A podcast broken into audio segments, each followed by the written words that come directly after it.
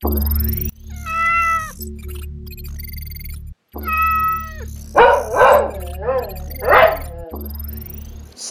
Cat and Dog, marilah kita ikuti webinar dari majalah Cat and Dog atau web infocatdog.com.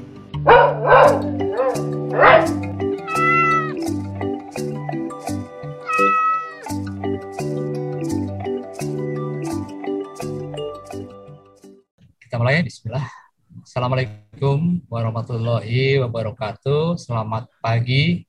Hari ini Sabtu 27 Maret 2021.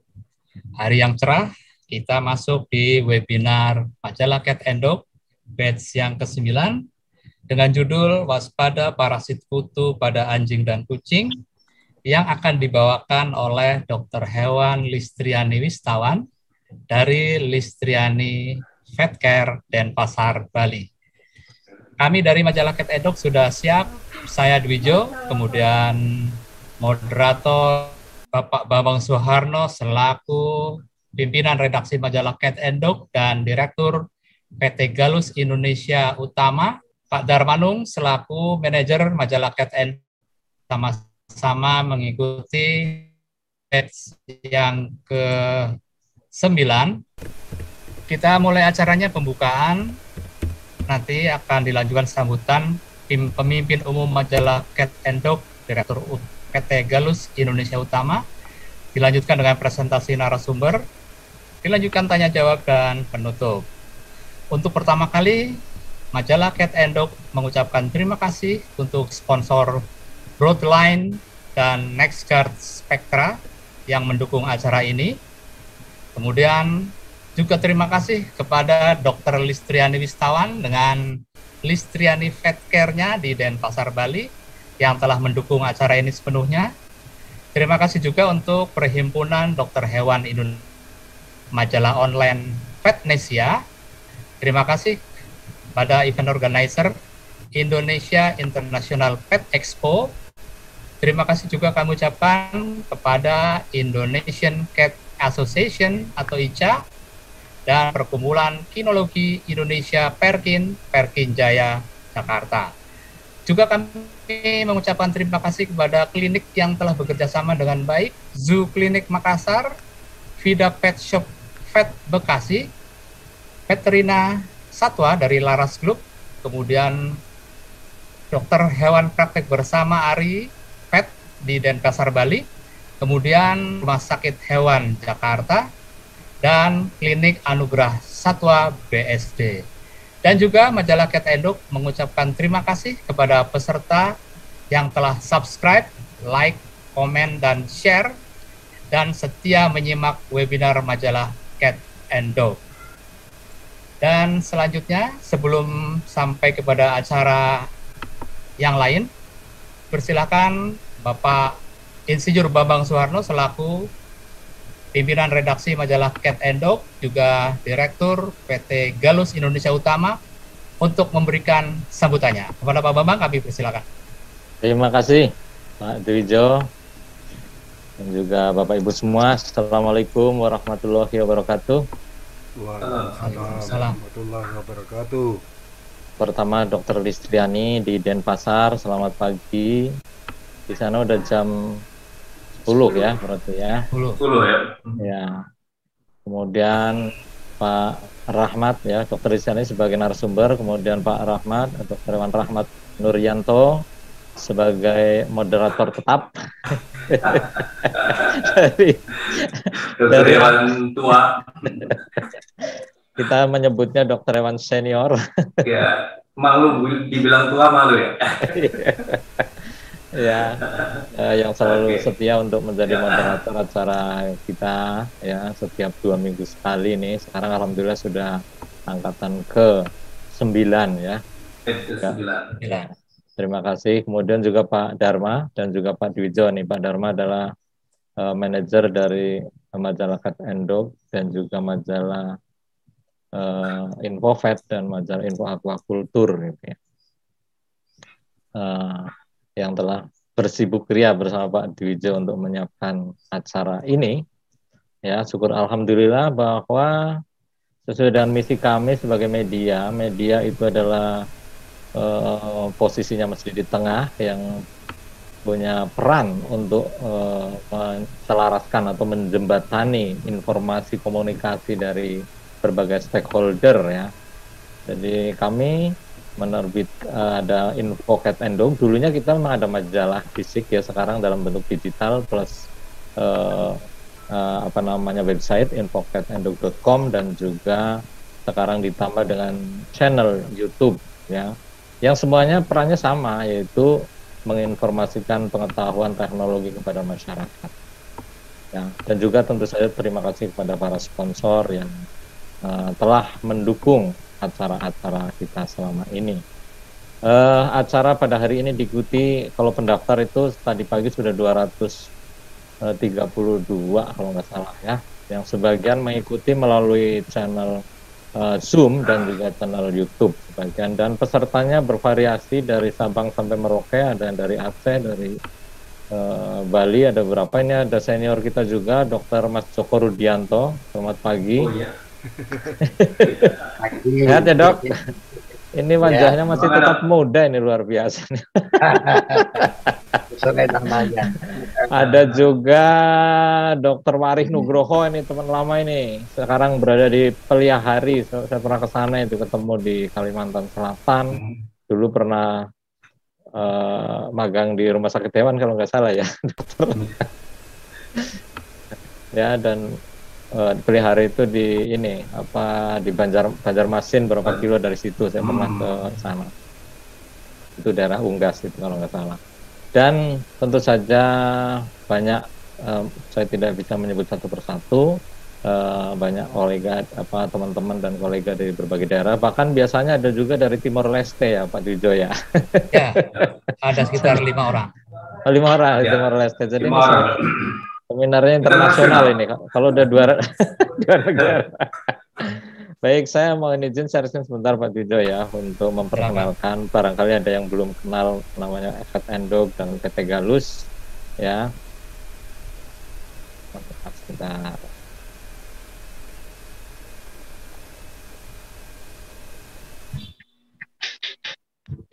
Ya, jadi ini adalah uh, eh, PT Galus Indonesia Utama. Kelihatan ya Pak Dijo ya? Kelihatan. Kelihatan. Ya, uh, PT Galus Indonesia Utama berdiri 9 September 2002. Ini ulang tahunnya sama dengan tanggalnya SBY ya 9,9 99. Ini bukan Demokrat. Demokrat juga. Ada ya.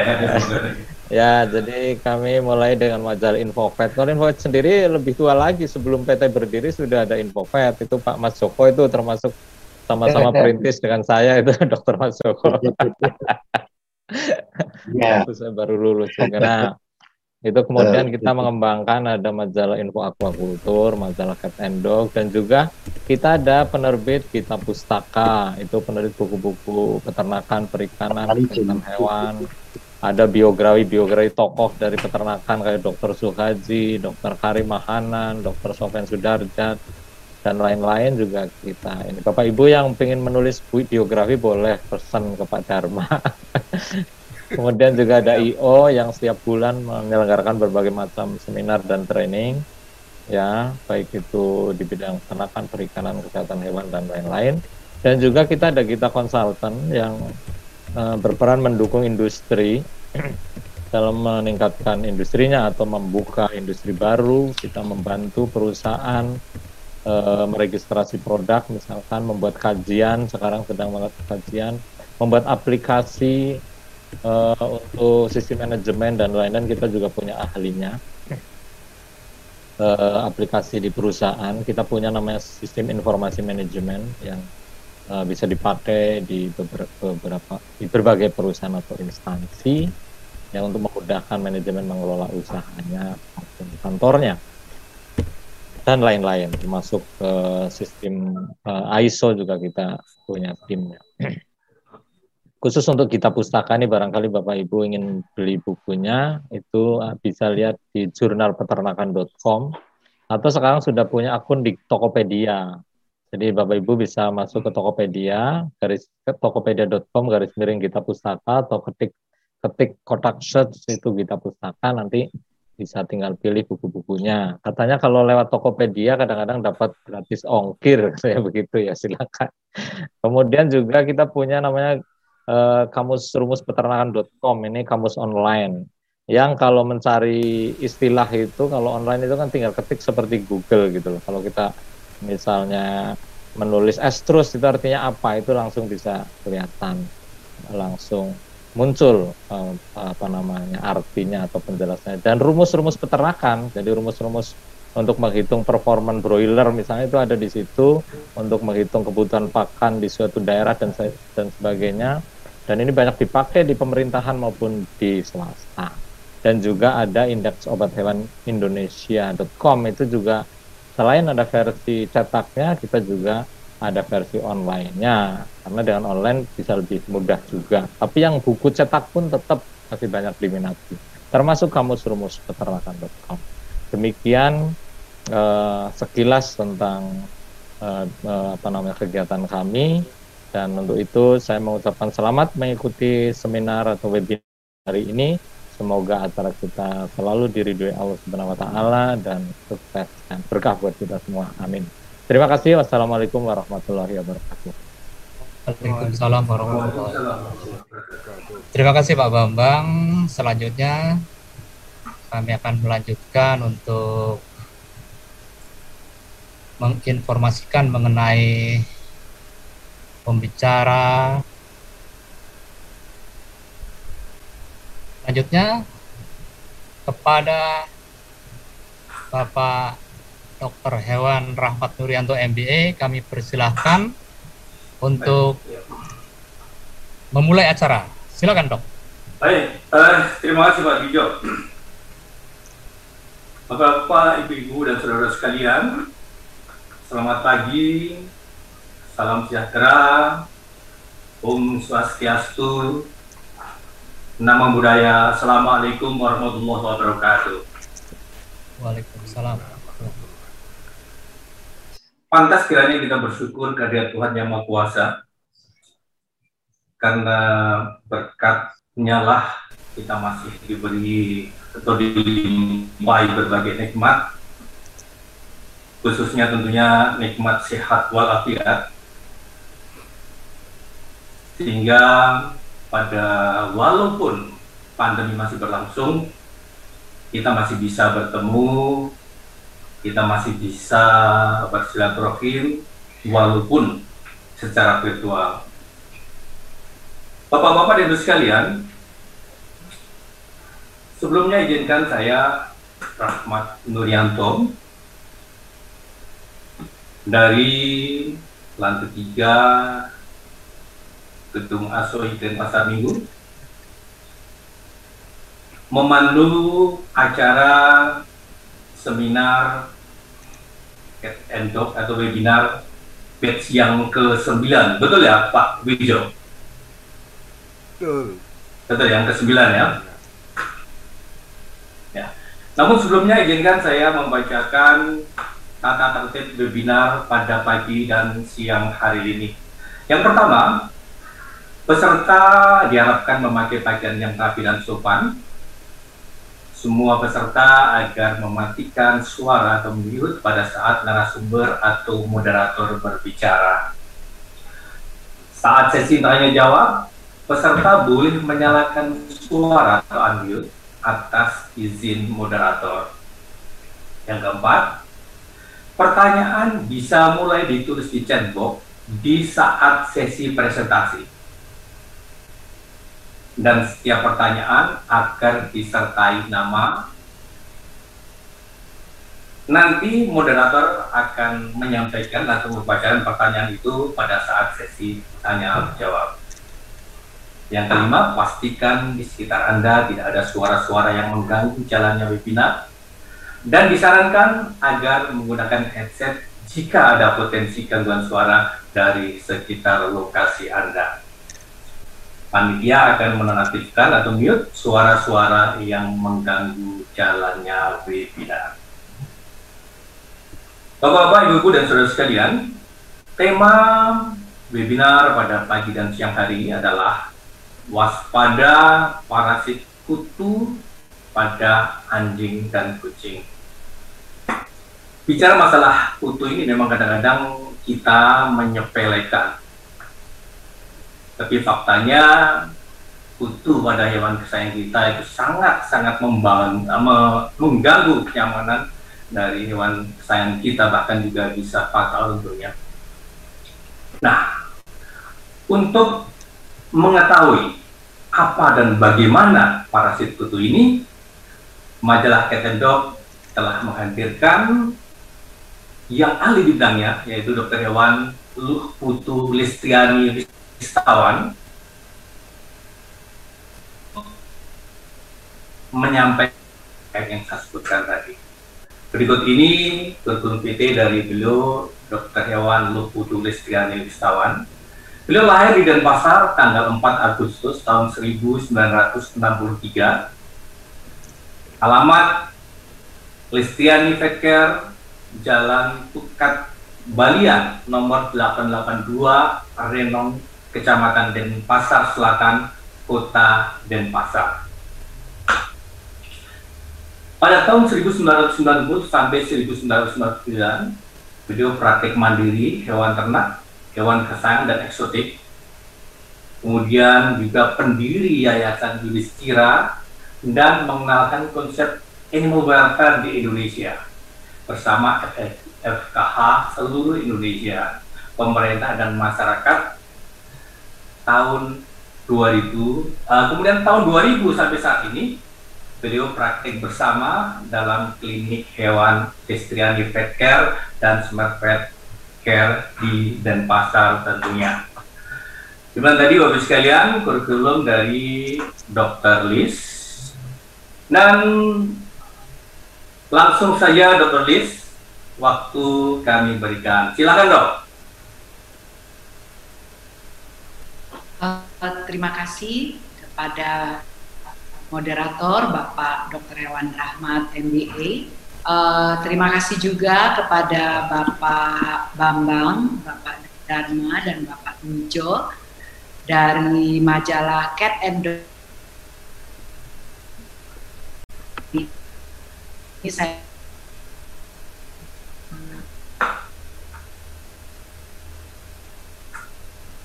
sudah oleh majalah cat and dog. Materi pada pagi hari ini menurut saya cukup kompleks.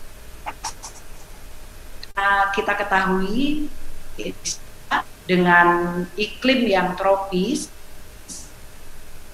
atau perkembangan kutu sangat pesat sehingga akan menjadi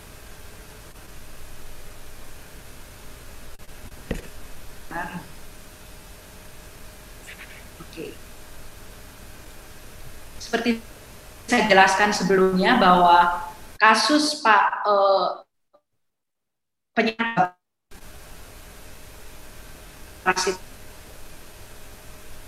juga ini di seluruh Indonesia.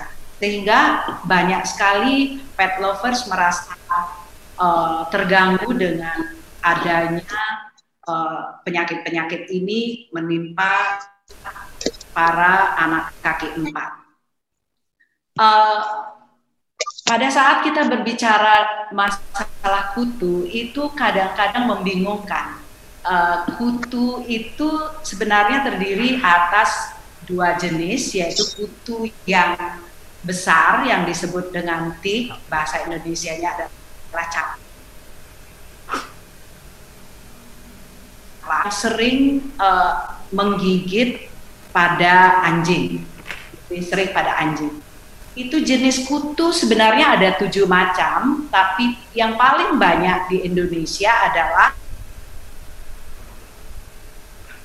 uh, nah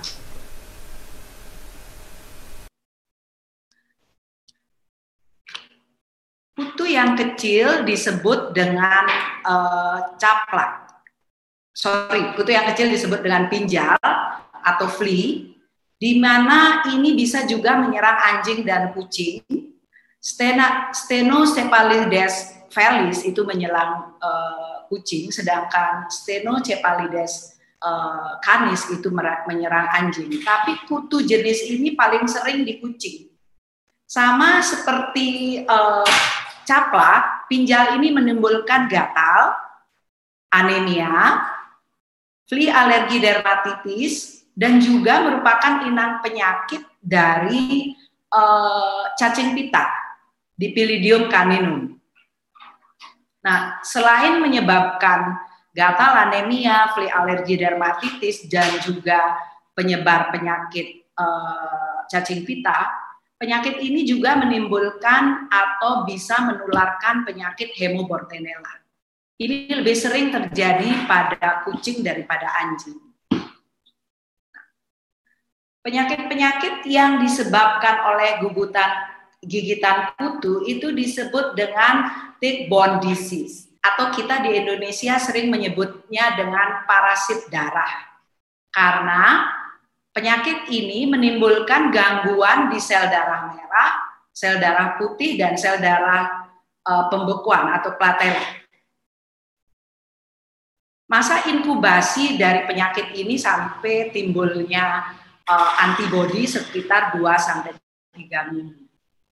Kita akan bahas dulu bagaimana sih gejala penyakit erlisiosis karena sebenarnya ketiga penyakit ini gejalanya nggak jauh beda. Tapi karena uh, di dalam tes yang kita lakukan akan dibedakan apakah tersebut uh, terinfeksi anjing dengan uh, erlisiosis atau anaplasmosis atau babesiosis, lebih baik kita mengenal dulu bagaimana ciri anjing-anjing yang menderita uh. Awal penyakit, ketiga penyakit ini umumnya adalah demam, kemudian pembengkakan getah bening, nafsu makan menurun, penurunan berat badan, dan pada kasus tertentu bisa terjadi perdarahan, juga adanya gangguan saraf sampai meningitis. Jadi cukup kompleks, sangat bervariasi gejala klinisnya. Dan ada satu gejala yang sering di uh, tidak diperhatikan oleh pemilik anjing adalah tanpa gejala. Jadi umumnya anjing ini datang dibawa pemiliknya ke klinik untuk uh, operasi atau untuk melakukan general check up. Pada saat saya mengambil darah atau tim kami mengambil darah, uh, itu darahnya nggak bisa stop atau terjadi hematom di pembuluh darah. Nah, setelah keluar hasilnya baru kita melihat bahwa plateletnya sangat rendah sehingga operasi atau uh, treatment atau umumnya operasi kita batalkan. Jadi ini sangat-sangat merupakan masalah yang sering terjadi uh, di anjing-anjing yang datang tanpa ada keluhan. Tapi apabila sudah infeksi berjalan lama, itu hewan sudah, anjing-anjing sudah mulai anemia, ada yang datang dengan kondisi pincang, umumnya pincang di kaki belakang. Ada juga datang yang dengan gangguan uveitis, jadi matanya kebiruan. Ada juga dengan masalah saraf sampai kolaps, dan ada beberapa yang dengan gejala joint keempatnya atau lebih dari empat itu bengkak. Jadi penyakit erlisiosis ini cukup cukup kompleks para pet lovers. Jadi benar-benar kita harus memperhatikan bila ada gejala salah satunya untuk segera ke dokter hewan. Nah, pada saat uh, penyakit ini sudah menyerang uh, sumsum tulang, itu treatment kadang-kadang tidak sukses karena sel darah merah, sel darah putih dan platelet atau trombosit ini tidak berfungsi, tidak uh, berproduksi atau lambat sekali produksinya. Dan tentu apabila sel darah merah uh, tidak berproduksi dengan baik, itu bisa menimbulkan beberapa penyakit yang hubungannya dengan imunitas seperti demodek atau bisa menimbulkan uh, penyakit lainnya yang hubungannya dengan imunitas pada saat sumsum tulang tidak bisa memproduksi sel darah merah, tentu akan menimbulkan anemia. Nah, begitu juga pada saat sumsum tulang tidak bagus atau kurang bisa memproduksi trombosit, anjing tersebut mudah perdarahan. itu perdarahannya tidak hanya uh, di saluran saluran pencernaan atau saluran perkencingan itu bisa juga dari gusinya ataupun epistaksis yaitu keluar uh, darah dari hidung seperti mimisan. Untuk anjing golden dan anjing herder itu lebih uh, rentan dengan mimisan. Nah, bagaimana gejala klinis babesiosis? Sama dengan erlisiosis juga didahului dengan demam, tapi tidak semua yang datang di klinik dalam kondisi demam, anemia, trombositnya rendah, dan ada juga yang datang dengan kondisi kencing berdarah atau sudah dalam kondisi gagal ginjal akut. Selain itu juga bisa menyerang pankreas, di mana ciri-ciri hewan yang anjing yang eh, pankreasnya terganggu itu ada muntah, kulitnya kekuningan, terasa sakit di bagian perut, diare atau kadang-kadang diarinya bercampur darah. Gejala kompleks lainnya antara lain yaitu pernafasan akut, eh, gangguan di jantung dan otak. Apabila penyakit ini sudah berlangsung lama, sering juga menimbulkan eh, penyakit dengan perantara imun seperti anemia hemolitik yang disebabkan oleh gangguan imun. Nah, bagaimana dengan anaplasmosis? Uh, gejala klinisnya tidak begitu berbeda dengan demam, adanya demam, tidak mau makan, lelah, depresi, muntah, diare, juga anemia. Tapi yang lebih menciri dari anaplasmosis yang sering datang ke klinik kami yaitu adanya poliartritis, yaitu radang sendi di hampir semua sendi. Kelenjar getah bening juga bengkak, splinnya membesar, dan pada hewan bunting bisa terjadi keguguran.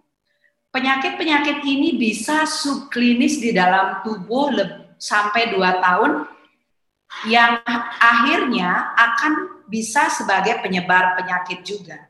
Dari gigitan kutu yang menggigit hewan tertular ke hewan atau anjing yang sehat. Bagaimana cara mendiagnosa tick-borne disease? Mungkin para pet lovers mesti akan mendapatkan penjelasan dari dokter hewan di mana para pet lovers membawa anjingnya ke klinik hewan atau ke dokter hewan terdekat. Yang paling mudah adalah dengan ulas darah dan snap test. Ini snap test ini untuk melihat antibody. Jadi jangan terkecoh juga kalau antibodinya lagi negatif berarti uh, anjing tersebut sakitnya akut sehingga antibodinya juga belum terbentuk.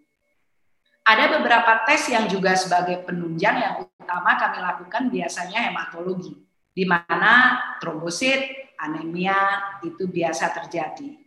Tapi ada tes-tes yang juga bisa mendeteksi lebih akurat dengan PCR, tapi tidak umum di klinik memerlukan lab yang khusus. Radiologi atau ronsen juga akan menunjang karena spleen akan terlihat membesar. Begitu juga pemeriksaan biokimia darah untuk melihat fungsi daripada liver dan ginjal. Nah, ini saya uh, masukkan gambar-gambar bagaimana si Erlisia ini merusak sel darah putih. Nah, ini bagaimana anaplasma yang merusak juga sel darah.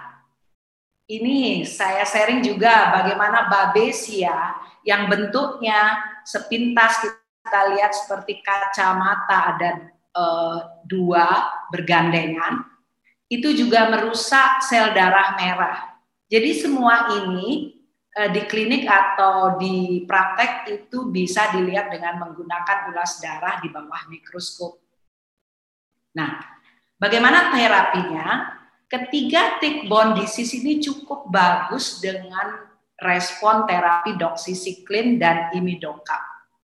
Dan apabila datang dalam kondisi anemia dan perdarahan parah, transfusi sangat diperlukan para pet lovers. Jadi eh, harap dipahami itu karena transfusi membantu temporari sebelum doksisiklin ini berjalan dalam pengobatan. Umumnya Respon dari doksisiklin ini adalah 48 jam setelah diberikan pengobatan. Tapi ada kasus-kasus yang sudah mengganggu saraf dan sumsum -sum tulang, steroid sangat dibutuhkan. Dan tentunya apabila hewan dalam kondisi kurang sehat, lemas, tidak mau makan, terapi cairan sangat diperlukan.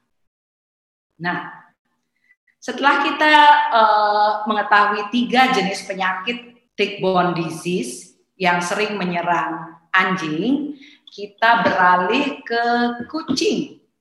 Nah, kucing yang lebih uh, sering terjadi kasusnya akibat pinjal yaitu hemobartonelosis. Nah ini uh, gigitan pinjal ini selain gigitan pinjal juga bisa dari uh, akibat kucing berkelahi antar kucing yang sudah tertular dan kucing yang belum tertular juga bisa terinfeksi akibat transfusi. Jadi pada waktu transfusi tentu seorang dokter hewan atau di klinik hewan akan memperhatikan hewan donornya sudah bebas dari parasit. Dan sama seperti tick-borne disease, Haemobartonella ini menyerang sel darah merah. Nah, bagaimana klinisnya? Ini saya ambil gambar kucing yang uh, jaundice. Jadi kucing yang mukosa kulitnya yang kekuningan. Ini bisa dilihat, matanya juga kekuningan, artinya ada sesuatu yang diderita hewan ini dan umumnya dokter hewan akan mengarahkan ke pemeriksaan hematologi dan biokimia. Karena gangguan liver selain anemia yang berat juga bisa mem, e, menimbulkan ciri-ciri dengan warna kekuningan di mukosa kulit dan mata. Juga spleennya besar apabila dilihat dalam uh, pemeriksaan radiologi. Maaf, ciri-cirinya demam, depresi, lemah, nafsu makan menurun. Tapi tidak semuanya datang dalam kondisi demam para pet lovers. Ada yang datang tidak dalam kondisi demam. Nah, sama seperti uh, anaplasmosis, ehrlichiosis, dan uh, babesiosis, mendiagnosa pun uh, lebih mudah dengan uh, ulas darah PCR tapi untuk kontes itu belum ada sorry untuk kontes itu belum banyak ada digunakan di klinik-klinik di Indonesia lebih mudah dengan menggunakan ulas darah. Bagaimana terapinya? Sama seperti tick-borne disease, uh, itu terapinya sangat bagus dengan doxycycline. Tambahannya enrofloxacin juga berespon bagus untuk Hemilbortenella, injeksi imidoka, steroid bila ada gangguan di uh, sumsum -sum tulang, tentu cairan infus selalu akan diberikan apabila hewan dalam kondisi tidak makan dan lemas, dan apabila anemia parah, transfusi sangat diperlukan. Ini gambar hemobortenella di dalam sel darah. Nah, setelah uh, saya menginformasikan kasus-kasus yang disebabkan atau penyakit-penyakit yang disebabkan oleh kutu cap, uh, jenis caplak dan pinjal, uh, saya akan melanjut ke pengalaman di klinik kami dengan kasus-kasus yang datang sangat bervariasi. Ini ada anjing uh, umur 6 tahun namanya Nina, anjing jenis uh, campuran, datang ke klinik dengan keluhan tiba-tiba kaki belakangnya nggak bisa menopang tubuh. Masih mau makan, kemudian kemarin malamnya aktivitas normal, tidak ada panas, mukosa juga pink, heart rate normal, hanya kaki belakangnya tidak bisa uh, menopang tubuhnya. Jadi jalannya menyeret kaki belakang dan itu kejadiannya mendadak.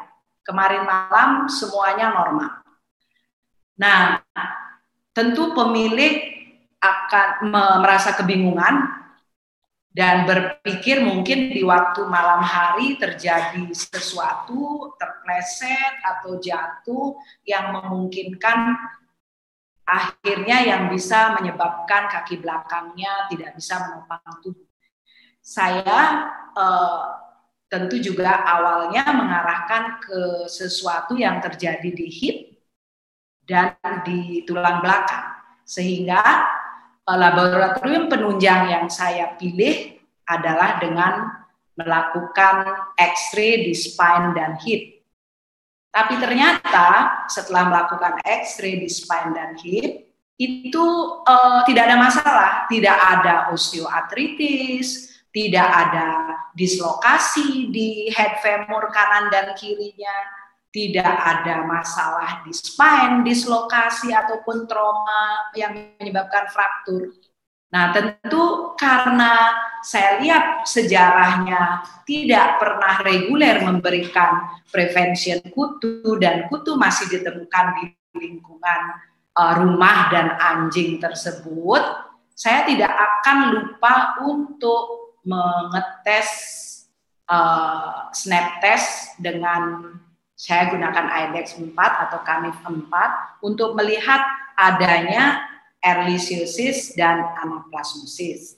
Ternyata hasilnya positif keduanya dan uh, hematologi dalam kondisi normal, uh, lab pun dalam kondisi normal. Sehingga diagnosa saya kelumpuhan atau tidak mampunya menopang kaki belakang Nina adalah akibat erlisiosis yang menyerang di bagian spinal cord yang akhirnya membuat tiba-tiba tidak bisa uh, menopang tubuhnya.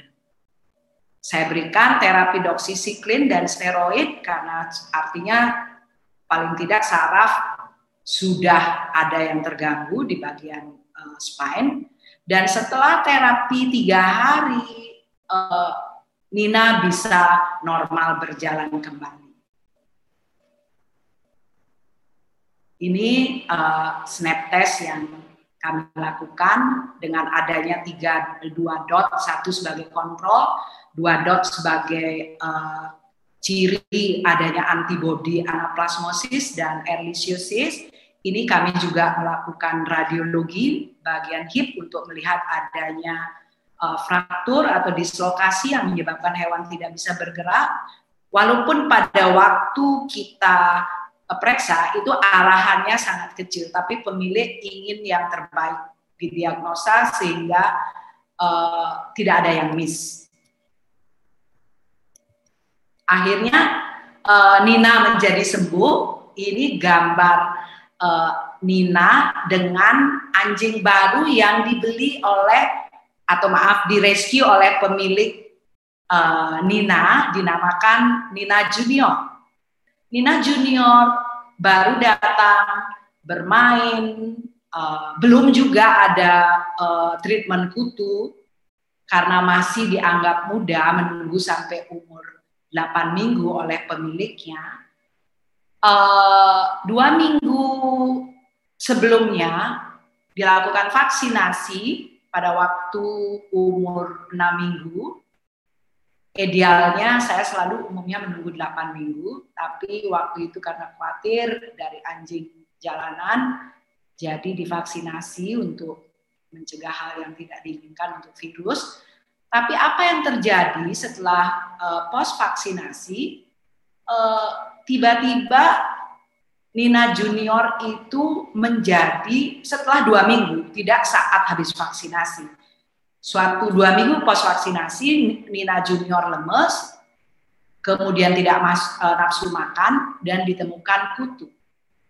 Dibawa ke klinik, pada waktu pemeriksaan, karena lemesnya katanya sebenarnya udah beberapa hari, tapi karena pemilik menganggap, ah mungkin lagi nggak nyaman, tidak khawatir dengan adanya uh, penyakit yang serius karena mau masih mau makan sedikit, jadi tidak dibawa ke dokter hewan. Pada saat dibawa ke klinik kami, itu uh, yang paling jelas kita lihat adalah mukosa mulutnya yang sangat pucat.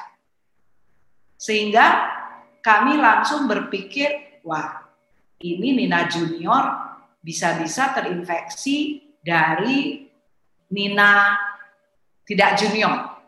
Akhirnya uh, kami melakukan pemeriksaan hematologi dan uh, dan SNAP karena hewannya kondisinya buruk, kami tidak langsung melakukan uh, ulas darah, jadi lebih memilih untuk IDEX karena cepat melihat antibodinya. Ternyata uh, erlisiosis positif, sehingga kami melakukan langsung menginfus uh, Nunia Junior, kemudian memberikan transfusi dan treatment doxycycline. Nah, pada saat kami melakukan transfusi, karena kita di Indonesia belum ada bank donor dan uh, pemilihan daripada donor untuk uh, cocok dengan penerima atau resipien, kami selalu menginformasikan kepada pemilik anjing untuk bersama-sama mencari donor yang kira-kira bisa memberikan darahnya ke anjing yang terkena parasit darah atau yang atau yang benar-benar lagi kondisi anemia berat.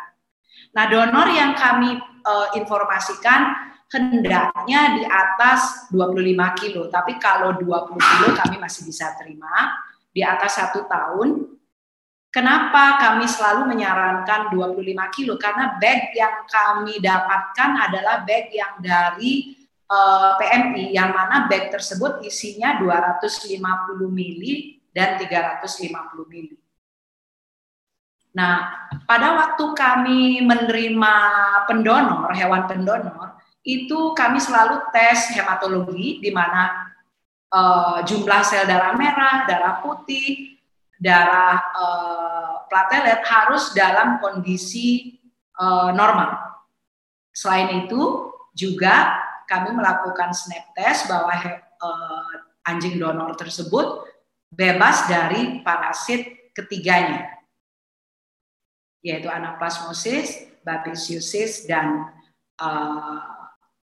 erlisiosis. Tapi umumnya karena uh, apabila snap test yang kami gunakan ketiganya normal, tidak ada uh, antibodi, kami akan selalu lakukan uh, pengambilan darah. Jadi kami tidak sempat kadang melakukan ulas darah, jadi cukup dengan antibodi dan snap test antibodi dan hematologi. Nah, akhirnya Nina mendapatkan transfusi darah karena hewannya kecil tentu uh, jumlah darah yang diterima tidak eh, uh, 250, jadi ada kalkulasinya. Dan darah yang tersisa umumnya kita bisa simpan di uh, refrigerator dengan dengan asumsi uh, apabila nanti ada masalah da dengan klien atau pasien lainnya kita bisa gunakan darah ini kembali. Tapi tidak boleh lebih uh, lama sarannya lebih bagus yang fresh blood, tapi kadang-kadang kami tetap menggunakan dan secara teori itu boleh digunakan setelah satu bulan disimpan di, di kondisi beku. Nah ini kasus anjing deko. Anjing deko ini lahir satu kelahirannya tiga ekor. Nah anjing deko sejak sebulan kondisinya pertumbuhannya terganggu, kemudian nafsu makan berkurang, dan beberapa hari eh, dua tiga hari itu lemes nafsu makan menurun dan ada kencing berdarah. Juga ditemukan kutu. Sedangkan anjing dua anjing lainnya perkembangannya normal. Pada saat seperti itu kami berpikir selain juga dengan adanya kencing berdarah selalu kami pikirkan dan adanya kutu adalah uh, tick-borne disease. Tapi dengan perkembangan yang terhambat, walau satu bulan, kami tetap berpikir dan menginformasikan bahwa kemungkinan ada gangguan-gangguan atau bawaan penyakit genetik yang menyebabkan pertumbuhan dari deko uh, terhambat. Nah, ternyata setelah dilihat dari tesnya, itu IDEX-nya positif dari erlisiosis, Kemudian hasil darahnya juga sangat-sangat uh, anemia sehingga dibutuhkan transfusi. Dan trombositnya pun sangat rendah. Di mana hasil biokimianya untuk hewan kecil dengan kondisi yang uh, baru terjadi itu uh, albuminnya sangat rendah, uh, ALT atau ALP ini dua parameter untuk liver itu meningkat dan saya curiga bahwa Deko mengalami gangguan liver bawaan. Itu sering terjadi adalah PSS yaitu portosystemic sang yang juga akan mengganggu pertumbuhan daripada uh, papi. Nah, apa yang diberikan uh, pada Deko terapi apa yang diberikan? Tentu yang utama adalah transfusi karena anemianya cukup parah. Doksisiklin kita berikan, suplemen liver juga kita berikan karena kita lihat uh, peningkatan dari enzim-enzim liver. Kemudian selalu saya bersyukur karena post terapi tiga hari post terapi dengan transfusi hewan datang lagi, Deko datang lagi ke klinik karena Deko setelah transfusi dan infus beberapa jam tidak mau rawat inap, jadi tiga hari setelah itu kami info untuk datang. Ternyata anemianya terkontrol dan hewan dalam Deko dalam kondisi lebih baik, lincah, mau makan. Uh, tapi pemilik sangat kecewa karena ternyata anjing lainnya juga sama. Walaupun perkembangannya bagus, tidak ada perkembangan yang terhambat seperti Deko, tapi anjing lainnya yang dua ekor itu beserta induknya semua menderita gejala klinis yang mirip dengan Deko. Sehingga akhirnya dilakukan tes, semuanya positif Erlisia, tapi syukurnya karena tidak uh, sangat parah anemianya, jadi transfusi tidak dilakukan. Jadi pemilik lebih aware dan teredukasi bahwa apabila hewannya lemes, saya edukasi untuk selalu lihat mukosanya, buka mulutnya, lihat pucet apa pink. Kalau sudah pucet, segera bawa ke dokter terdekat di mana uh, di wilayah tempat tinggal para pet lover. Nah, ini saya gambarnya setelah uh, terapi sudah bisa sehat, kemudian sudah wajahnya lebih cerah, tidak kusem bulunya. Nah, perkembangannya pun Deko sudah tidak kalah tubuhnya dengan uh, anjing satu liter itu. Walaupun memang terlihat agak, agak kecil, tapi per, perkembangannya setelah pengobatan uh, doxycycline itu cukup cukup bagus. Nah, kemudian kasus keempat, anak anjing laki. Nah, ini ada uh, pengecualian karena tidak semua uh, pemilik hewan memiliki budget yang cukup untuk melakukan rawat inap, untuk melakukan tes-tes yang lebih lengkap atau melakukan transfusi. Ini satu klien yang menemukan laki di jalanan pada saat umur dua bulan kutunya penuh sekali dan hewannya itu lemah dan tidak bertenaga. Tapi pada saat datang temperaturnya tidak panas. Tapi yang paling utama saya lihat adalah mukosa mata dan gusinya itu pucat sekali. Karena saya lihat perutnya juga besar, saya lakukan pemeriksaan feses, kecurigaan adanya banyak uh, infeksi daripada cacing dan pemilik hanya memiliki budget pas-pasan untuk hematologi dan blood smear dan tidak mau melakukan apa pun lagi karena kalaupun hewan ini tidak bisa tertolong dia paling tidak sudah menolong yang basic tapi akhirnya uh, kami melakukan pemeriksaan feses ada telur cacing gelang pemeriksaan ulas darah, kami menemukan Babesia canis di sel darah merahnya. Terapi yang kami berikan adalah imidokap dan doxycycline. Nah, ini ulas darah yang kami lakukan itu terlihat seperti kacamata di dalam uh, sel darah merah. Nah, ini uh, bagaimana rendahnya red blood cell, jadi yang harusnya 0,5 normalnya 5,5 sampai 8,5, uh, laki hanya di 1,54. Nah, hal seperti ini adalah hal yang sering kita jumpai. Dan tetap dari kondisi antibodi masing-masing hewan itu berbeda-beda. Ada dengan kondisi RBC seperti itu dan pack cell volume, maaf ini uh, uh, agak kebalik, hemoglobinnya yang 27 di PCV, yang 10,13 di hemoglobin, maaf ya.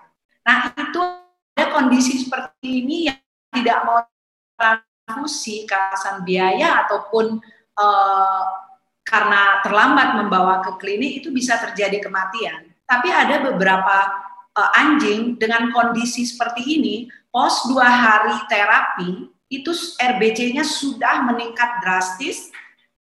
Uh, walaupun ini sebenarnya hematologinya saya periksa tidak uh, dua hari karena owner hanya men, uh, memberikan budget yang minimal sehingga saya lakukan satu minggu setelah uh, pemberian obat. Itu drastis sekali naiknya. Jadi PCP-nya atau RBC-nya semua meningkat mengarah ke normal. Nah ini gambar laki saat ini, jadi laki sudah menjadi anggota keluarga, kemudian sudah disteril, dan uh, terlepas dari penyakit yang dari pikiran logik saya umumnya akan tidak tertolong karena uh, eh, RBC-nya sangat rendah atau sel darah merahnya.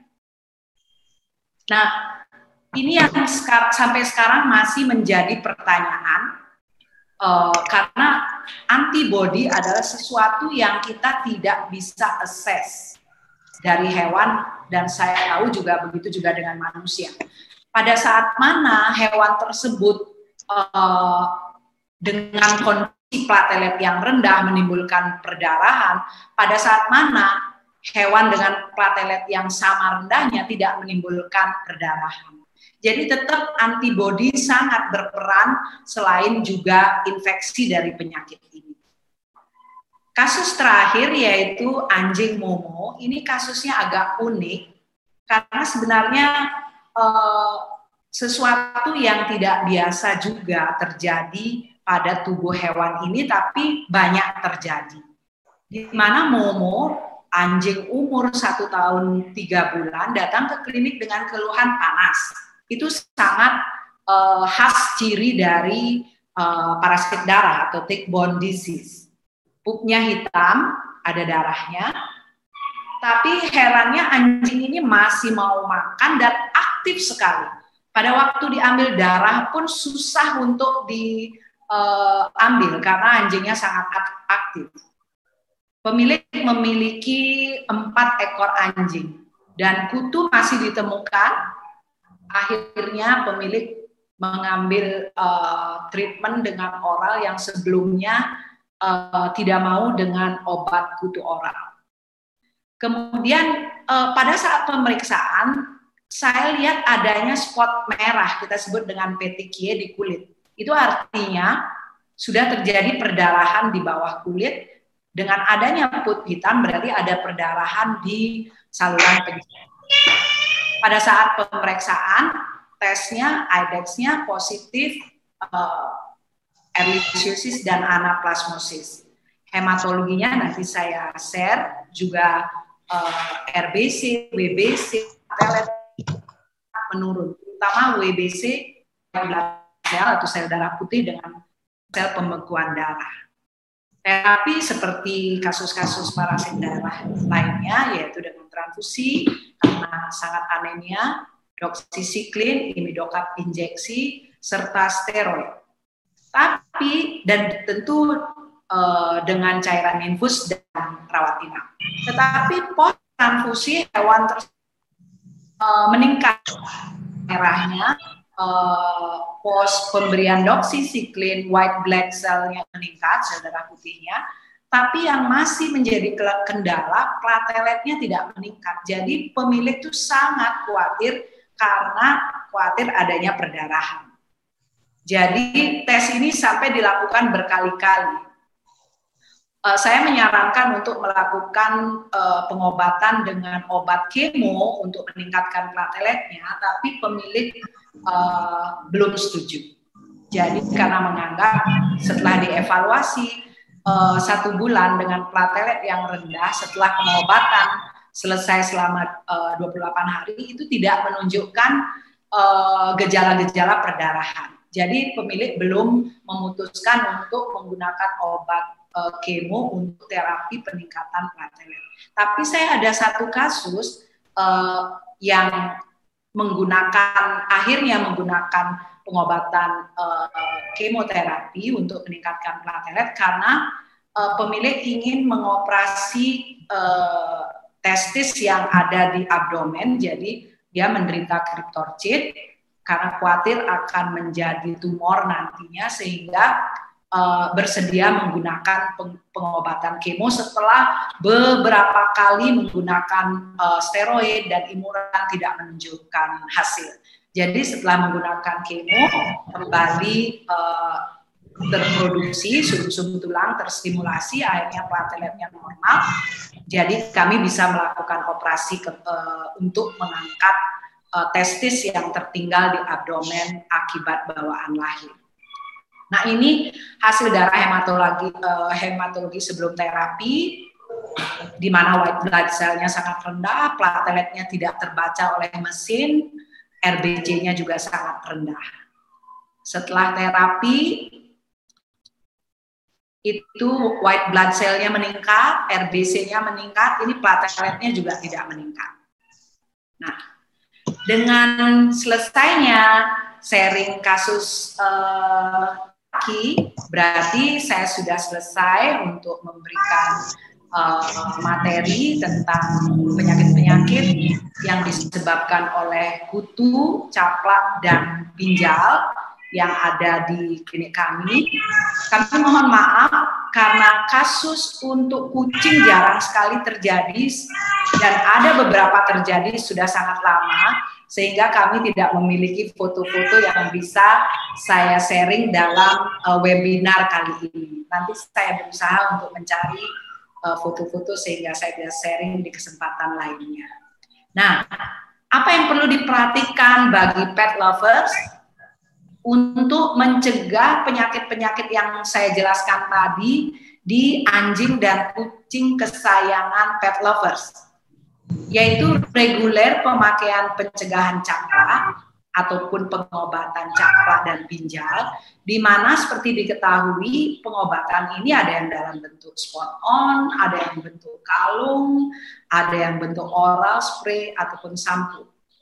Dan bila uh, pet lovers memiliki anjing yang lesu dengan disertai atau tanpa demam, dan dengan mukosa atau buka mulutnya dan lihat matanya pucat, segera ke dokter hewan. Atau ada anjing yang tiba-tiba kaki belakang. Atau pet lovers memiliki anjing yang mimisan, kencing berdarah, pup yang hitam dan berdarah, segera ke dokter hewan. Karena apabila uh, penyakit ini cepat di, diketahui dan pengobatannya cepat, uh, kucing dan anjing kesayangan pet lovers akan tertolong. Dan 40 jam, 48 jam setelah pengobatan umumnya akan berhasil. Kecuali dengan kondisi yang parah di mana antibodinya memang rendah sehingga pengobatannya tidak berespon baik dan transfusi pun tidak berespon baik. Nah, bagaimana dengan tadi kita concern dengan uh, dengan hewannya langsung atau dengan anjing dan kucingnya. Nah, bagaimana dengan lingkungan? Lingkungan harus perlu diperhatikan pet lovers. Jadi uh, selain pencegahan yang utama adalah tentu uh, hewannya, tapi juga berusaha untuk membersihkan lingkungan, yaitu dengan melihat tempat-tempat persembunyian caplak dan pinjal, kemudian mencuci semua tempat tidur hewan dengan air panas, sehingga semua terbasmi atau menggunakan vakum, karpet-karpet atau peralatan rumah sehingga telur dan larva semua tersedot. Yang paling utama uh, adalah hewannya, tapi lingkungan akan sangat membantu untuk uh, memutus perkembangan daripada uh, caplak dan pinjal tersebut. Saya rasa sudah cukup presentasi saya atau uh, pemberian materi dalam webinar pagi ini. Semoga pet lovers mendapatkan manfaat dan saya sangat senang untuk menerima pertanyaan-pertanyaan dan apabila saya tidak bisa jawab di sini, mungkin bisa melalui email atau bisa chat WA saya di klinik. Terima kasih kepada Bapak moderator, saya sudah selesai. Uh, silakan. Uh, menarik sekali Dokter Listri sudah menyampaikan beberapa parasit. Memang barangkali parasit ada ribuan ya dok ya. ya. Hanya tadi uh, ada beberapa yang disampaikan yang uh, khususnya tentunya di anjing dan kucing. Dan dari parasit-parasit tadi jelas sekali nampak baik ya dari parasit-parasit tadi baik itu yang di anjing ataupun yang di kucing itu hampir semuanya pastinya akan merusak sel-sel darah merah di mana uh, sel darah merah sudah pasti sangat besar fungsinya dalam tubuh karena dia juga membawa oksigen dari paru-paru ke seluruh tubuh dan kembali uh, mengirim karbon uh, dioksida ke paru-paru. Nah, baik langsung saja kita mulai dengan pertanyaan-pertanyaan ya dok ya. Dok bisa juga ini di chatbox dok ya. Estri ya. Yang pertama untuk dok Sulas uh, Sulaksono ya dok ya. Oke. Okay. Dok Sulas itu menanyakan mengenai tipe anemia yang terjadi untuk serangan parasit darah pada anjing dok. Barangkali itu dari dok Sulaksono, dok Lestri. Oke. Okay. Ya. Uh, untuk anemianya itu uh, tipenya ada yang anemia uh, tanpa maksudnya regeneratif, ada yang non regeneratif. Jadi juga tapi pada umumnya adalah regeneratif kecuali sudah e, mengganggu imun sistemnya. Jadi ada beberapa yang sudah e, terjadi anemia hemolitik. Coba urat DP uh, autoimun ini. Oh, besar lagi. Hmm. Oh ya. Oke. Okay. Masih ada dok listrik? Saya rasa sudah. Oke, okay, ya. Uh, untuk berikutnya dok ya. Uh, ini dari Dokter Evan kita dari Solo, Dokter Sri. Ya. Ya, beliau menanyakan pinjal ini apa sebagai faktor tadi yang terjadi pada hewan besar. Jika ada, jika iya apa gejala klinis yang ditampakkan dalam ini ya. Yang kedua. Ya, sebenarnya uh, pinjal uh, uh, ataupun uh, tik itu hampir semua bisa menyerang uh, hewan besar dan juga ada beberapa report dan memang bisa itu zoonosis tapi tidak yeah. terjadi banyak di Indonesia. Jadi seluruh uh, hewan pun bisa terkena uh, untuk in, infeksi daripada uh, dari kutu.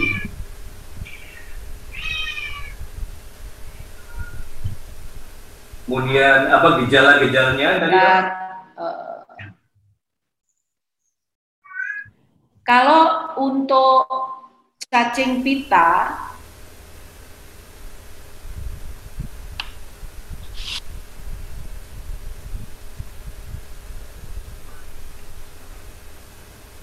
gejala klinisnya mirip semua gejala klinisnya awalnya adalah panas dan yang diserang semua adalah sel darah.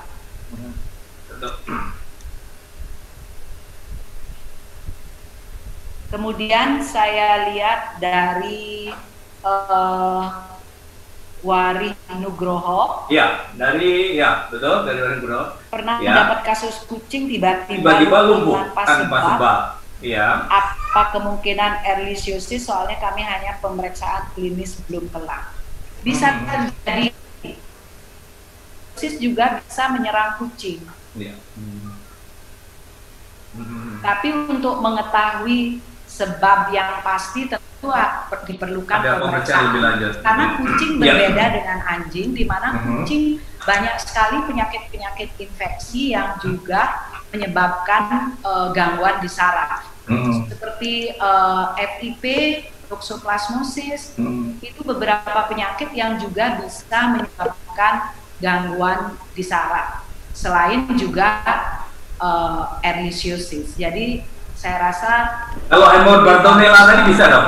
kita melihat uh, lebih detail dengan pemeriksaan Oke. lab lainnya. Tapi apa salahnya untuk uh, apabila di klinik tidak ada uh, penunjang laboratorium pemberian obat erlisiosis disarankan. Oke. Termasuk hyper uh, Bartonella bisa juga lumpuh mungkin kalau parah dok? Saya langsung ya Dok Rahmat. Oke, sila silakan. Yang dari Dr. Hewan Sulaksono itu ya. Kami bisa menggunakan preparat permektin 1% itu, Dok ya. Dan Kami biasanya memang ya, biasanya untuk manusia dia. Jadi Ya, apakah bisa dipakai? maaf uh, untuk Bapak Dr. Hewan Sulaksono, saya uh, sangat jarang menggunakan obat-obatan ini. Saya lebih sering menggunakan uh, pengendal- untuk mengendalikan kutu. Saya lebih sering menggunakan yang memang obat-obat dikhususkan untuk anjing dan kucing. Walaupun eh, preparat seperti ivermectin atau permectin itu kan golongan yang sama. Uh, tapi saya berusaha menghindari uh, lebih baik menggunakan apa yang tepat untuk kucing ataupun untuk anjing. Khususnya kucing karena lebih sensitif, kami berusaha menggunakan obat-obatan yang mengkhusus untuk kucing. Kalau tidak ada, pengalaman saya, saya pernah menggunakan ivermectin dahulu pada saat belum adanya obat-obat dengan kandungan uh, selamectin yang untuk kucing. Mhm. Kemudian, kemudian dari hari Sakti itu dok, ya, kontrol lingkungan yang sudah tercemar oleh caplak dan pinjal, terutama kontrol di klinik hewan. ya. Apa yang kami lakukan di klinik yaitu pertama uh, memisahkan hewan yang terlalu banyak kutu dengan hewan yang uh, tidak baik kutu. Selain juga kami pisahkan yang uh, virus dan non virus.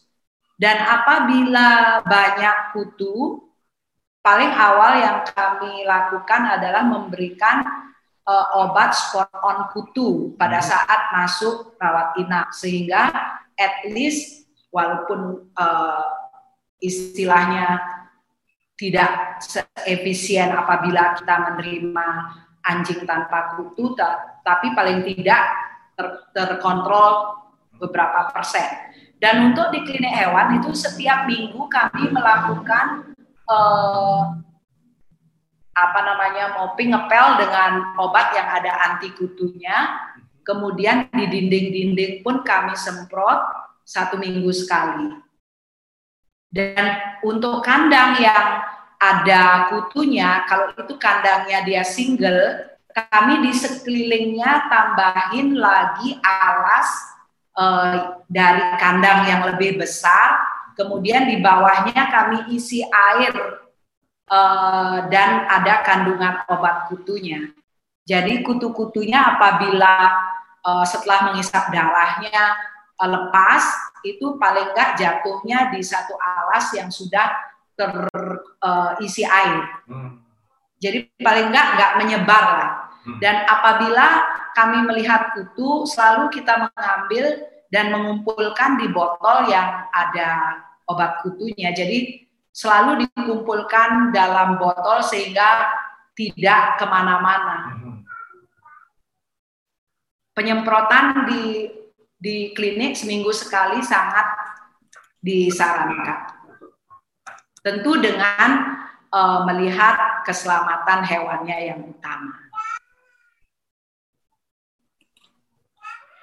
Kemudian pertanyaan selanjutnya. Selanjutnya dokter dari dokter Sulaksono lagi ini dokter Sri, uh, dokter Sri seberapa ya. jauh kasus-kasus ya yang terjadi proplasmosis, babesiosis, anaplasmosis di klinik seberapa insidensinya, Sering nah, sekali atau mungkin sangat sering uh, di klinik kami uh, dan saya pernah uh, me melakukan tes uh, riset jadi saya beli kit yang banyak, hmm. kit antibody untuk erlisiosis waktu itu. Uh, jadi setiap hewan yang datang bayar atau tidak bayar kami lakukan uh, kami yang memang ambil darah loh ya, bukan yang sehat. Jadi yang ambil darah untuk kontrol uh, sebelum operasi ataupun untuk general check up, kami melihat bahwa kira-kira kalau saya bilang persentasenya saya belum berani memberitahukan persentase tapi hampir uh, jarang sekali kami menemukan donor yang bebas parasit darah. Mm-hmm. Jadi cukup tinggi baik yang ada gejala klinisnya masuk ke klinik ataupun yang tidak ada uh, gejala klinisnya. Untuk mencari donor kan itu semua anjing sehat tanpa gejala klinis.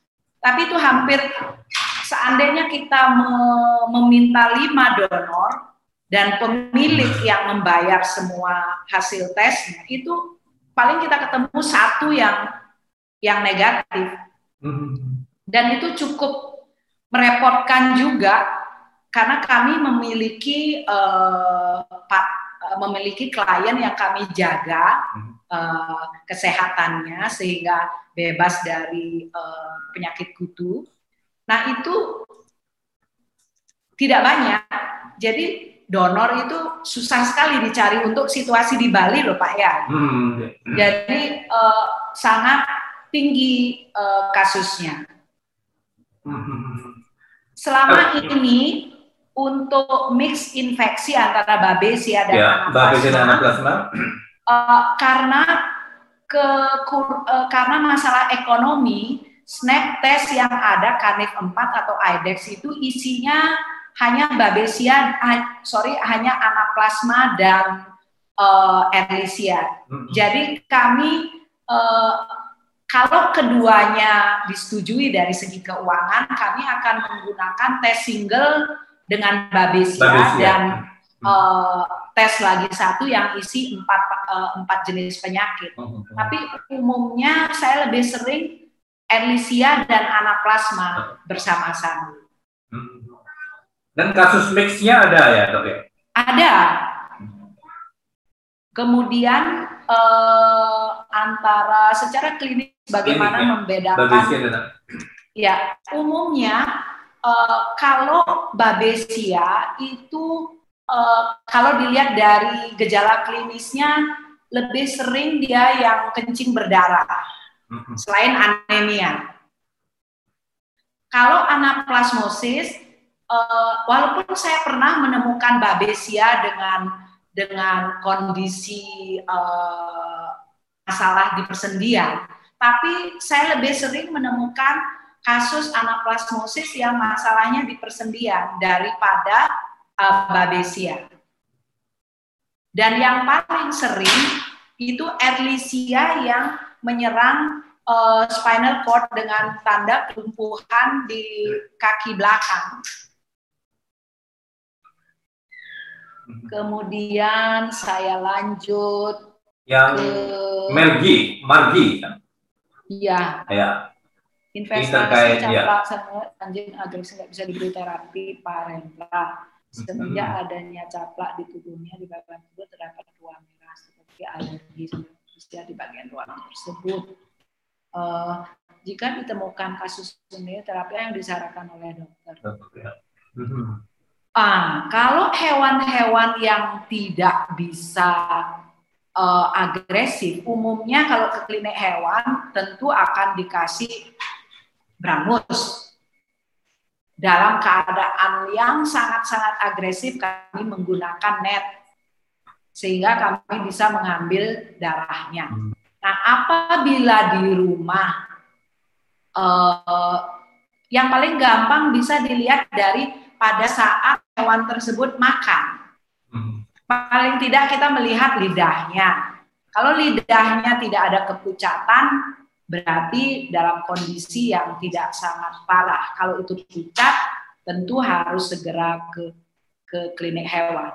Tapi bagaimana eh, pengobatannya? Kalau itu dia alergi, karena tetap ehrlichiosis juga akan menimbulkan eh, selain gigi alergi akibat gigitannya, dia juga menimbulkan eh, antibodi yang rendah. Si ehrlichiosis ini karena menyerang sel darah putih.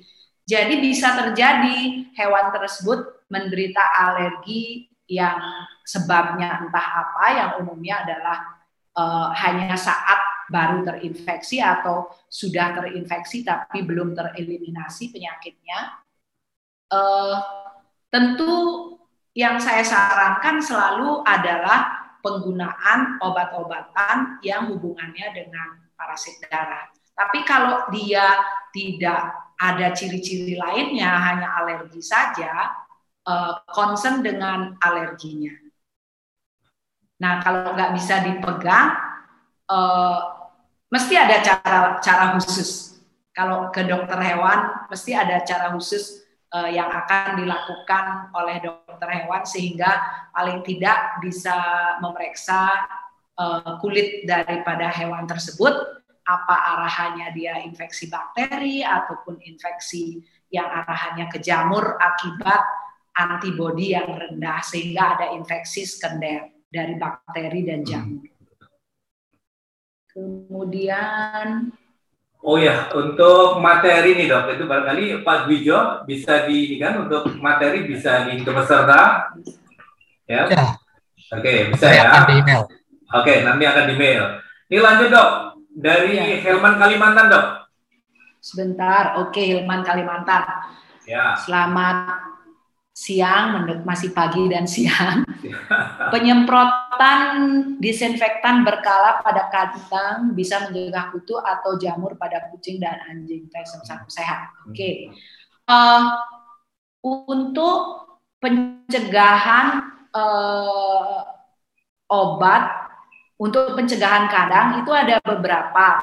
Ada yang concern lebih banyak untuk jamur dan bakteri, tapi ada concern juga untuk kutu. Jadi tergantung penggunaan eh, antiseptik yang eh, Bapak Hilman gunakan.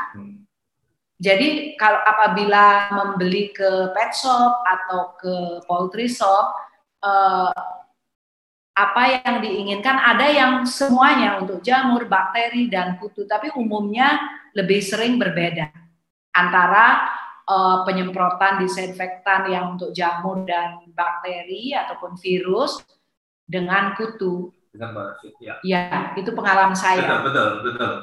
Ya. Iya. Kemudian Kemudian ini dok, maaf saya nambahin. Kalau Iya. pada waktu menyemprot, jadi hati-hati hewannya benar-benar harus dipindahkan dan habis itu tolong eh, benar-benar dibilas Hmm. setelah dibiarkan beberapa saat. Jadi jangan sampai eh, kucing atau anjing pet lovers akan eh, bermasalah akibat menjilat ini.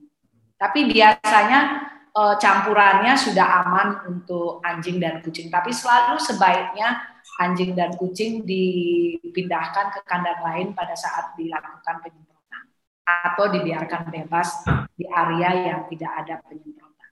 Hmm. Oke, Kalau berikutnya ini komentar dari Dok Mas Joko nih, dok. Saya setuju jika pinjal positif akan ditemukan juga cacing pita. Kasus ini juga sama terjadi di Unggas. Ya, Ya. oke. Uh, kemudian berikutnya Terima dok, kasih Ya. Pak Dokter Joko. Joko, senior kita. Iya, saya juga sering ini berkomunikasi dengan Beliau. Mas Joko. Oke, ya. Dosen saya dulu, Pak. Oh, ya. Berjumpa. Reuni lagi ya. Boleh, baik. Uh, lanjut dari Des Desmarita nih dok. Ya, bagaimana Ya. menghilangkan kutu di Catrom ya? Karena walau kucing sudah dibasmi pakai apa revolution ya ini yang salah satu itu, tapi di ruangan masih aja ada gitu. Bagaimana nih dok? Ini eh, memang seperti saya jelaskan di presentasi saya, paling utama adalah memberikan kucing tersebut eh, treatment atau pencegahan. Tapi di ling- apabila ada ling- lingkungan yang sudah terkontaminasi, itu eh, untuk lingkungan baik itu tempat tidurnya maupun di eh, sekitarnya, di kandang atau di ruangan, memang harus eh, disemprot. Nah, eh, penyemprotan ini balik sama seperti eh, penjelasan saya sebelumnya harus dilakukan reguler. Tapi apabila eh, sudah reguler memberikan obat eh, kutu atau obat pinjal untuk si kucing, eh, lama-lama siklusnya akan berhenti karena sudah terproteksi di tubuh kucing tersebut. Kecuali ada beberapa hal yang terjadi akibat eh, kutunya terlalu banyak. Jadi itu bisa membutuhkan waktu beberapa lama sampai bersih. Tapi apabila sudah bersih lingkungannya dan si kucing sudah reguler, pelan-pelan akan terkontrol. Jadi tetap pemberian yang reguler dan kontrol lingkungan tetap harus dilakukan. Dan apabila mungkin kadang-kadang pemilik atau pet lovers membawa hewan lain atau kucing lain masuk, yang mana lingkungannya sebenarnya sudah bersih, yang kucing yang lebih dulu dipelihara sudah uh, udah bebas dari uh, pinjal, tapi kutu an- uh, kucing yang datang membawa kutu lagi. Jadi memang pada waktu membawa uh, kucing ke dalam satu rumah yang sudah bersih memang harus berhati-hati. Kenapa saya bilang reguler, reguler, reguler pembersihan. uh, memang untuk daerah tropis itu sulit, tapi saya uh, melihat sebagai bukan sebagai dokter hewan, sebagai penyayang hewan di rumah pun, apabila kita memiliki anjing dan lagi banyak kutunya, apabila kita tidak kontrol dengan reguler lingkungan sampai bersih, berikut anjingnya itu siklusnya membutuhkan waktu waktu beberapa saat untuk terkontrol. Tapi pasti kalau sudah dilakukan reguler akan terkontrol. Hmm. Baik, baik. Ada lagi dok dari Didit. Tapi sebelum kita bacakan dari uh, Bapak Didit ini, kami sampaikan kepada uh, para peserta, silahkan masih ada beberapa waktu kalau akan bertanya atau bisa juga sharing pengalaman barangkali ya dok ya. Bisa sharing di media mumpung kita bisa ketemu ini. Baik, lanjut. Ini dari Didit dok. Apakah kalau anjing selalu minum obat kutu tiga bulan sekali, itu apakah aman untuk kesehatan jangka panjangnya? Oke. Jadi rutin tiga bulan sekali, apakah ada sampingnya? Silakan. Oke, ini uh, kan seperti kita ketahui obat kutu ada yang spot on, Ya. ada ini concernnya yang minum berarti obat oral ya. Betul. Nah, uh, di dalam setiap obat-obatan uh, baik yang uh, bulanan atau yang diinformasikan dua atau tiga bulan, ada obat kutu yang diinformasikan uh, di dalam leafletnya itu adalah tiga, dua atau tiga bulan, tentu si pembuat obat company-nya sudah memikirkan dan dari instruksinya uh, itu sudah diberikan pada anjing yang sehat. Nah, apabila anjing uh, pet lover dalam kondisi tidak sehat, tentu lebih baik tidak diberikan. Jadi uh, kalau kondisinya sehat, silakan diberikan. Kalau kondisinya tidak sehat, jangan diberikan. Jadi kita yang harus uh, bijaksana atau harus memahami uh, bagaimana kondisi anak kaki empat kita. Kalau tidak sehat, memang tidak boleh diberikan obat kutu.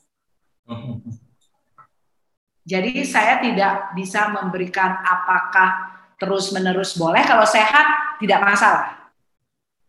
Betul. Jadi tergantung dari kondisi dari si tubuh hewan kita sendiri ya. ya. Nah, apa efek sampingnya? Uh, saya rasa dengan pemberian obat yang sesuai dengan instruksi dari obat tersebut uh, dan dosisnya tepat, saya rasa tidak ada efek sampingnya. Tapi apabila uh, pemberiannya dalam kondisi hewan sehat. Betul sekali. ya. Jadi memang apalagi kalau memang dok ya uh, obat tadi sudah terdaftar itu kan ketat sekali ininya ya jadi sebelum mendapatkan uh, nomor registrasi itu dokumen-dokumen betul-betul diteliti sehingga kalau toh ada efek samping segala macam pasti akan ditulis pada leaflet ataupun pada label obat yang bersangkutan. Iya benar. Oke. Okay. Uh, masih ada lagi nih dok? Ya, ini ada dari NGC Rumambi. Ya. Agnice Agnice Rumambi. Agnice Rumambi ya. Ya. Agar anjing pemeliharaan sehat, sebaiknya anjing berapa kali dimandikan seminggu, Dok. Nah, uh, menurut saya untuk uh, grooming itu tergantung kondisi hewan yang utama menurut saya adalah di uh, sisir brushing hmm. itu yang utama karena uh, apabila terlalu berlebihan juga uh, akan menimbulkan kekeringan pada kulit dan bulu juga. Jadi uh, untuk hewan yang tidak kotor atau kondisi hewan yang indoor dua minggu sekali nggak masalah. Hmm. Dengan sampo tentunya yang uh, mild ya, jangan terlalu hmm. menggunakan sampo-sampo medicated apabila hewan tersebut tidak ada sakit kulit. Ya, terima Kemudian kasih dokter. Oke. Barangkali yang untuk kucing dok? Bagaimana? Kalau untuk kucing mandinya untuk informasi pet lover semuanya? Kalau kucing saya selalu lebih memilih satu bulan sekali. Atau yang paling penting adalah di brushing, hmm. sisir. Karena di ya. sisir itu proses yang uh, mendekatkan antara kucing dan pemiliknya, juga stimulasi uh, bulunya, kulitnya, saya rasa satu bulan sekali cukup. Tentu dalam keadaan sehat ya.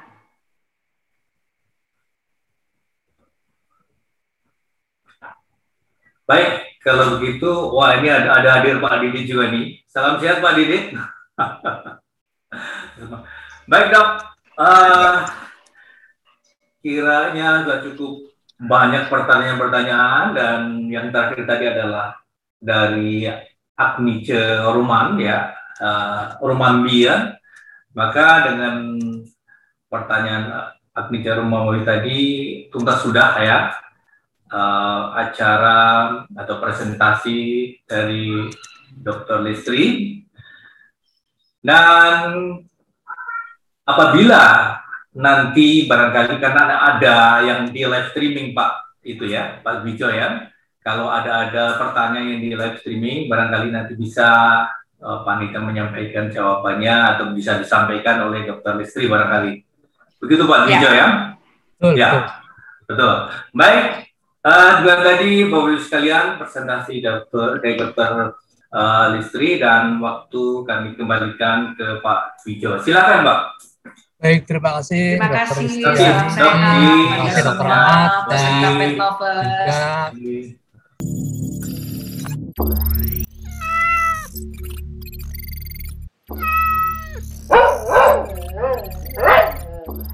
Sahabat Cat and Dog, telah Anda ikuti webinar dari majalah Cat and Dog atau web infocatdog.com. Terima kasih atas perhatian Anda.